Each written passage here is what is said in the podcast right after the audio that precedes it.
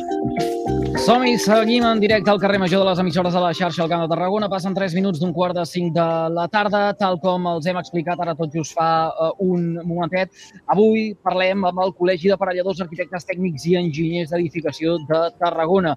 I ho fem per explicar que un any després de l'obertura de la convocatòria de concessió de subvencions dels fons europeus Next Generation, que en el cas de la construcció estan destinats a la millora de l'eficiència energètica, la resposta, segons uh, diu aquest organisme en un comunicat, no és gens positiva i els resultats són molt dolents. Comparteix ara mateix una estona amb nosaltres la senyora Meritxell Gispert, que és tècnica de rehabilitació dels arquitectes tècnics del Col·legi de Parelladors Arquitectes Tècnics i Enginyers d'Edificació de Tarragona. Senyora Gispert, molt bona tarda i benvinguda al programa. Hola, molt bona tarda. Què ha passat eh, que aquesta resposta, segons afirmen en aquest comunicat que han enviat en els mitjans de comunicació, no és gens positiva? És més, eh, afegeixen que els resultats són molt dolents. Sí, sí, um, realment hi ha hagut mol, moltíssima menys um, demanda de la, que, de la que estava prevista amb tot el tema aquest de les, de les subvencions Next Generation en l'àmbit de l'edificació, però és clar, estem en un sector que les coses van a poc a poc, no podem córrer, no podem, no podem obrir una convocatòria i pretendre que al cap de quatre dies hi hagi projectes eh, redactats, hi hagi eh, peticions eh, realitzades i, i a part que els tràmits són molt complexes i tot és tot s'està enlentint més del que, del, que teníem, del que teníem previst. Es podia calcular això? Eh, és a dir, eh, es, es preveia que uh, un tràmit que uh, sobre paper pot semblar molt fàcil, però que després a la pràctica veiem com es converteix en quelcom molt més uh, feixuc, que acabaria uh, deixant-nos unes dades, uns registres tan pessimistes, si em permet, com els que tenim a dia d'avui?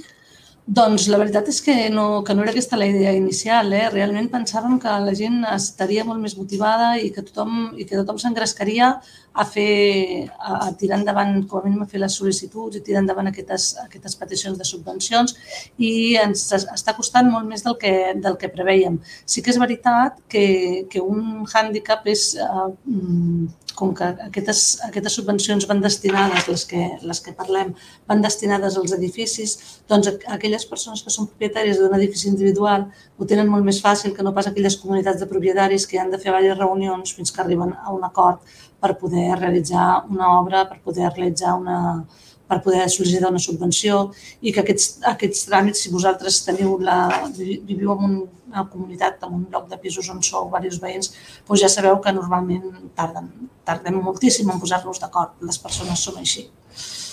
Mm.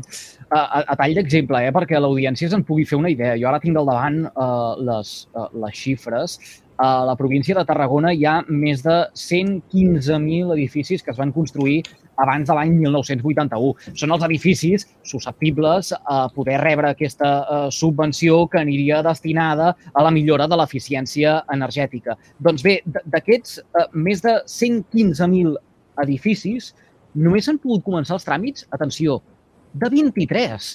Eh, sí. Eh, eh, eh, és que eh, ens trobem en, en extrems mm, Sí, realment eh, és, és eh, bastant, bastant decepcionant. La xifra és bastant decepcionant. Us he de dir que nosaltres, que estem tot el dia rebent consultes, eh, responem moltíssimes consultes de moltíssima gent que està interessada en fer-ho. El que passa és que en algun moment pues, o s'enlenteix o s'atura. La gent té no és que no tingui interès, clar que els hi atrau no? poder, fer, poder fer millores energètiques a casa seva, millores a casa seva i saber que eh, rebran una subvenció per fer aquestes obres i que damunt acabaran estalviant eh, en energia, que ha sigut un dels, una de les coses que aquest, que aquest últim any ens ha tocat més la moral, no? d'haver de pagar tants diners en, en llum i doncs, doncs, ostres, eh, la gent ha mostrat moltíssim interès, però eh, a l'hora de la veritat ens hem quedat frenats eh, la complexitat de la, de la tramitació creiem que és, un, que és el, el punt clau perquè això s'aturi, perquè això estigui aturat.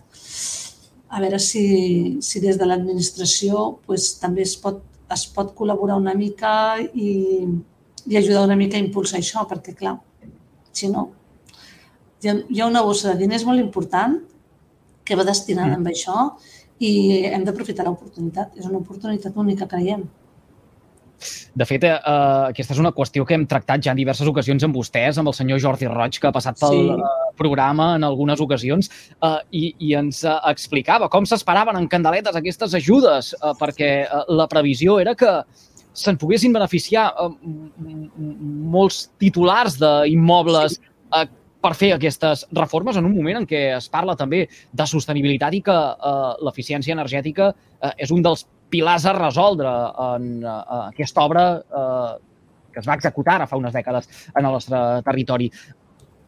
Creuen que la, la, la tendència, és a dir, eh, els Next Generation continuaran arribant, eh, es pot continuar sol·licitant encara eh, aquesta ajuda.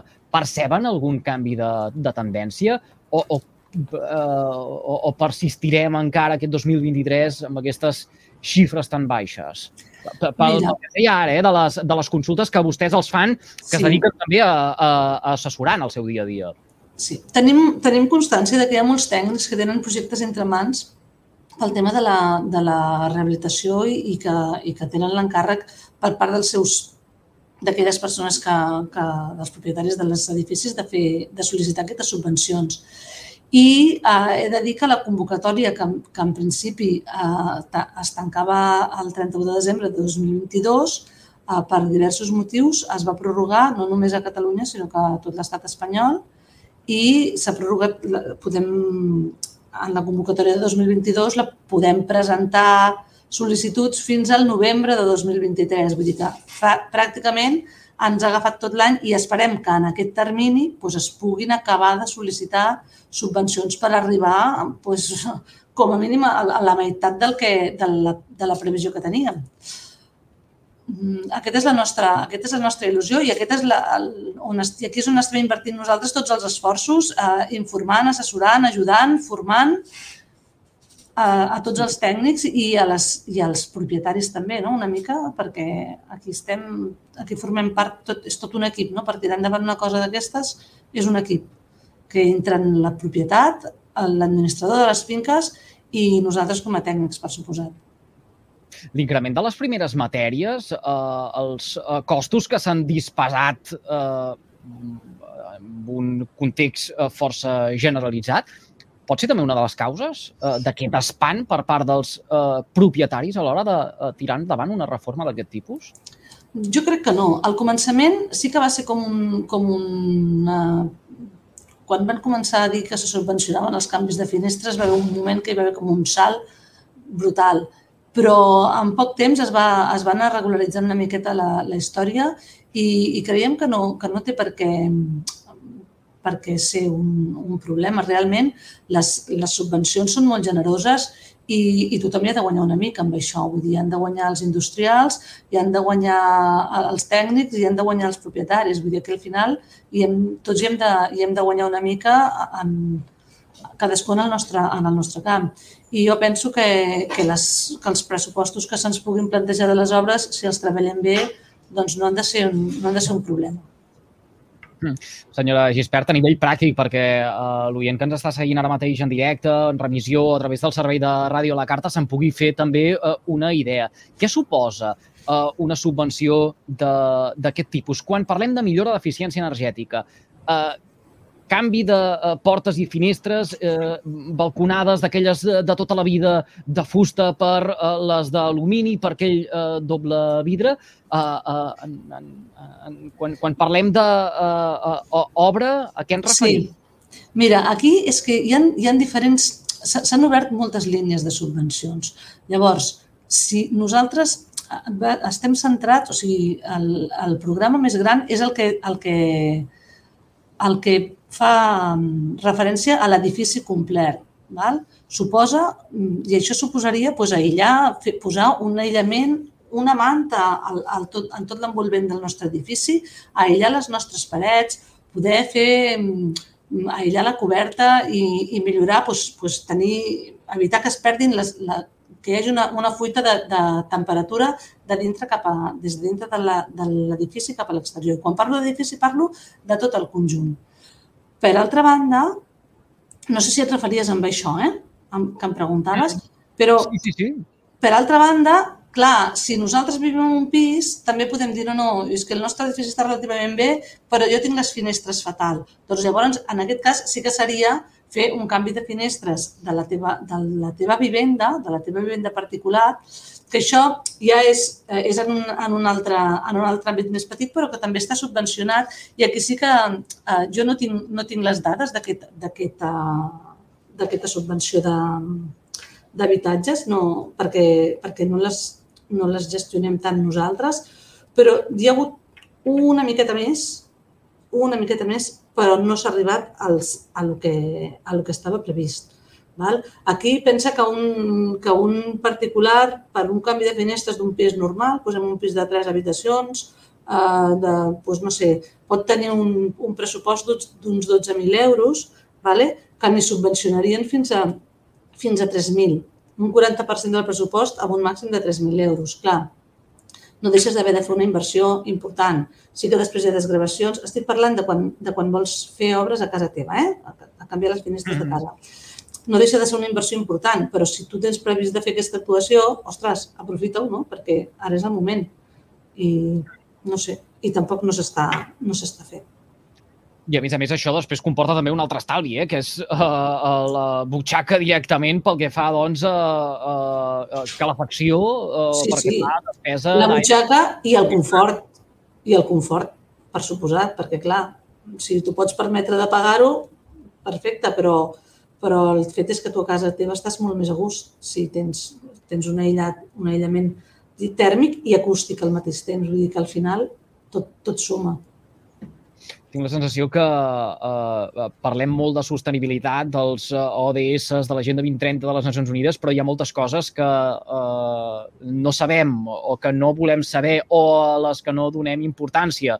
I una de les maneres doncs, de eh, evitar l'escalfament eh, global i contribuir a aquest estalvi energètic és també doncs, eh, gaudint d'uns bons eh, aïllants en els, en els nostres eh, domicilis.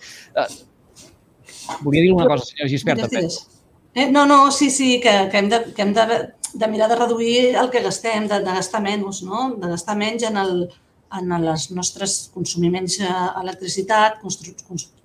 consumir menys gas i en la mesura del possible eh, l'energia que consumim que sigui, que sigui el més sostenible possible. Però, mm. clar, és, no és, es diu molt fàcil, però no és fàcil de fer. Uh, senyor Gispert, quines són les consultes um, més comunes que els fan quan busquen assessorament en, en vostès? pues, el, el, que, el que demanen més és el canvi de finestres. Truquen, truquen molts, molts particulars perquè volen canviar les finestres de casa seva. Aquesta és la consulta més comuna. També hi ha molta gent que viuen en cases, en cases individuals que es volen posar plaques solars i llavors uh, ho, ho entrem tot una miqueta dintre del, del mateix sac.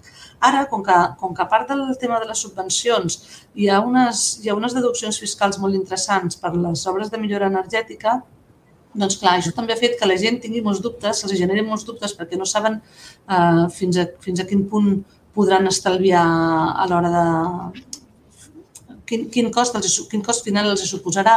I aquesta també és una, una de les preguntes recurrents no? del tema de les, de les deduccions fiscals, com els afectaria, que jo sempre els dic que nosaltres de fiscalitat poc en sabem, la informació que tenim és la que ens han, la que ens han facilitat no? i intentem transmetre-la. Però vaja, però sí, la, la consulta més comuna és aquesta. I, i a nivell d'edificis, de, també hi ha algunes comunitats de propietaris que ens, que ens pregunten eh, per, per què volen, eh, estan, han de fer obres al seu edifici i volen rebre una subvenció. Però les obres que volen fer, moltes vegades els, els propietaris eh, no, no s'han plantejat de fer una rehabilitació energètica. S'han plantejat simplement de pintar la façana. I llavors aquí és on entrem nosaltres en joc i, i traiem totes les nostres, la nostra artilleria i els intentem explicar doncs, la, la bondat de les subvencions i que no només és qüestió de pintar, sinó que és qüestió d'anar una miqueta més enllà i de valorar si val la pena posar-hi un aïllament en aquesta façana abans de pintar-la i, i per un preu una miqueta més elevat, però també força assequible, doncs, doncs arribar en aquest, en aquest confort i en aquest estalvi posterior. Déu nhi com som, eh? Uh, ens quedem amb el uh, rentat de cara, ens uh, quedem amb allò que és uh, xapa i pintura quan al darrere hi poden haver moltes altres actuacions que al final uh, uh, ens, uh, ens beneficien. Com, uh, sí, però és més per desconeixement que per, que per desconeixement de, que, de, que es pot fer que no pas per, per voluntat. A vegades, quan, quan tu parles amb, els, amb la gent, per, per poc coneixement tècnic que tinguin, eh, i els expliques una mica doncs, fins on podem arribar, què podem fer, quanta costaria això més o menys i quanta podria arribar a costar l'altre, i veuen la poca diferència, les facilitats que s'han posat, perquè realment hi ha facilitats per les persones que estan en, en, en vulnerabilitat econòmica. També hi veïns de, de barris que dius, ostres, és que si hi ha cinc veïns que nosaltres hem de fer obres, però és que hi ha cinc veïns que no poden pagar. Però ja sabeu que si no poden pagar, perquè no poden pagar, això ho poden tenir subvencionat fins al 100%. Llavors es queden així una mica parats i diuen, ah, doncs llavors potser sí que ens, que ens, podem, que ens podem embarcar amb això. Però el que ha costat un any pràcticament ha sigut arribar a la gent per explicar-los que això es pot fer. I ara comencen a funcionar els mecanismes. Jo tinc l'esperança que des d'ara fins a final de la convocatòria eh, hi hagi moltíssimes més sol·licituds. Estem a l'espera d'això i estem preparats eh, per rebre-ho i per, i per assimilar-ho. Mm. Esperem poder conduir la, situació uh, aquest uh, 2023. Uh, senyora Gispert, uh, vostè mateixa el passat dissabte va oferir una uh, conferència, una xerrada sobre rehabilitació i millora energètica dels edificis a uh, Mas Pujols. Uh, avui, fent el uh, xafarder, ara tot just fa una estona, aquest migdia, a través de les xarxes socials, uh, he vist que uh, oferiran també una jornada gratuïta uh, en línia el proper 30 de març sobre certificació energètica d'edificis per tal de poder resoldre els eh, dubtes que tingui la ciutadania. Eh, preveuen més jornades d'aquest tipus per tal de eh, fomentar eh, tot aquest canvi que ha de portar a un estalvi energètic i a poder-se beneficiar dels eh, Next Generation?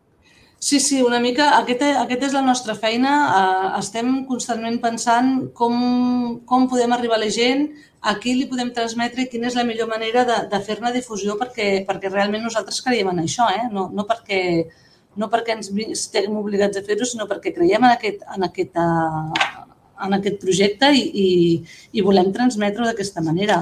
Uh, el tema de Mas Pujols realment va ser molt interessant perquè, perquè eren un, un grup de gent que, que havien fet una comunitat energètica amb la, amb la il·lusió per, de, de, de posar plaques solars per estalviar, no? I, i jo vaig anar una mica a canviar el cuento, de dir, a veure, abans de, de, de posar una energia que no us costi, mirem de no gastar-ne.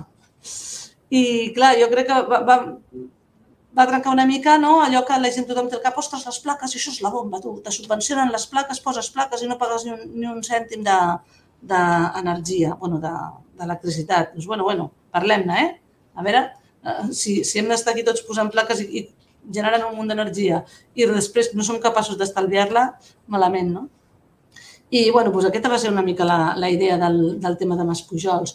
I, i l'altra xerrada que m'has comentat, doncs la fem, amb, la fem en col·laboració amb l'ICAEN, que és l'Institut Català de l'Energia, que són Eh, que és l'entitat que revisa una mica tot el, el tema de les certificacions energètiques, que bueno, els, els certificats energètics que emetem per justificar i realment s'han presentat molts dubtes a l'hora de fer aquest, aquests informes i venen els tècnics de l'ICAEN a fer-nos aquesta, aquesta, a donar-nos aquesta informació. Serà una xerrada molt tècnica, però que tothom hi és convidat. Compartirem aquesta informació també a través de les xarxes socials de les 8 emissores que fem possible el programa per si uh, algú uh, li interessa. Això és el uh, dijous 30 de març, comença a partir de les 4 de la tarda amb una uh, durada aproximada de uh, dues hores. Uh, és qüestió de seguir la informació que a través dels uh, canals del, del col·legi, del, del uh, COAT, uh, s'ha anunciat molt fàcil, eh, la compartirem perquè tothom se'n pugui fer ràpid una idea. Gràcies. Senyor Gispert, li agraïm moltíssim que hagi compartit aquesta soneta amb nosaltres. Ens ha ajudat a aclarir uns uh, quants dubtes i tant de bo, uh, després d'aquesta conversa, uh, hi hagi més gent que s'interessi per aquests fons europeus Next Generation, que uh, diem moltes bondats, però que després, a l'hora de la veritat, veiem que no s'acaben d'aprofitar del tot. Pues sí, sí. Uh, estic completament d'acord amb tu. Totes aquelles persones que se'ls hagin plantejat dubtes, que tinguin, que els hi piqui el coquet, que tinguin algun, algun interès, uh, que busquin el nostre telèfon, que ens truquin i els atendrem i els explicarem el que, el que estigui al nostre abast, a veure si s'animen i podem, i podem impulsar una miqueta tot el tema de les subvencions i contribuir una mica amb, el, amb la reducció de, de les emissions i tots aquests, tots aquests sistemes. Gràcies a vosaltres per atendre'ns. Meritxell Gispert, la tècnica de rehabilitació dels arquitectes tècnics del Col·legi d'Aparelladors, Arquitectes Tècnics i Enginyers d'Edificació de Tarragona. Molt agraïts. Que vagi molt bé. Bona tarda. Gràcies. Bona tarda. Són dos quarts i mig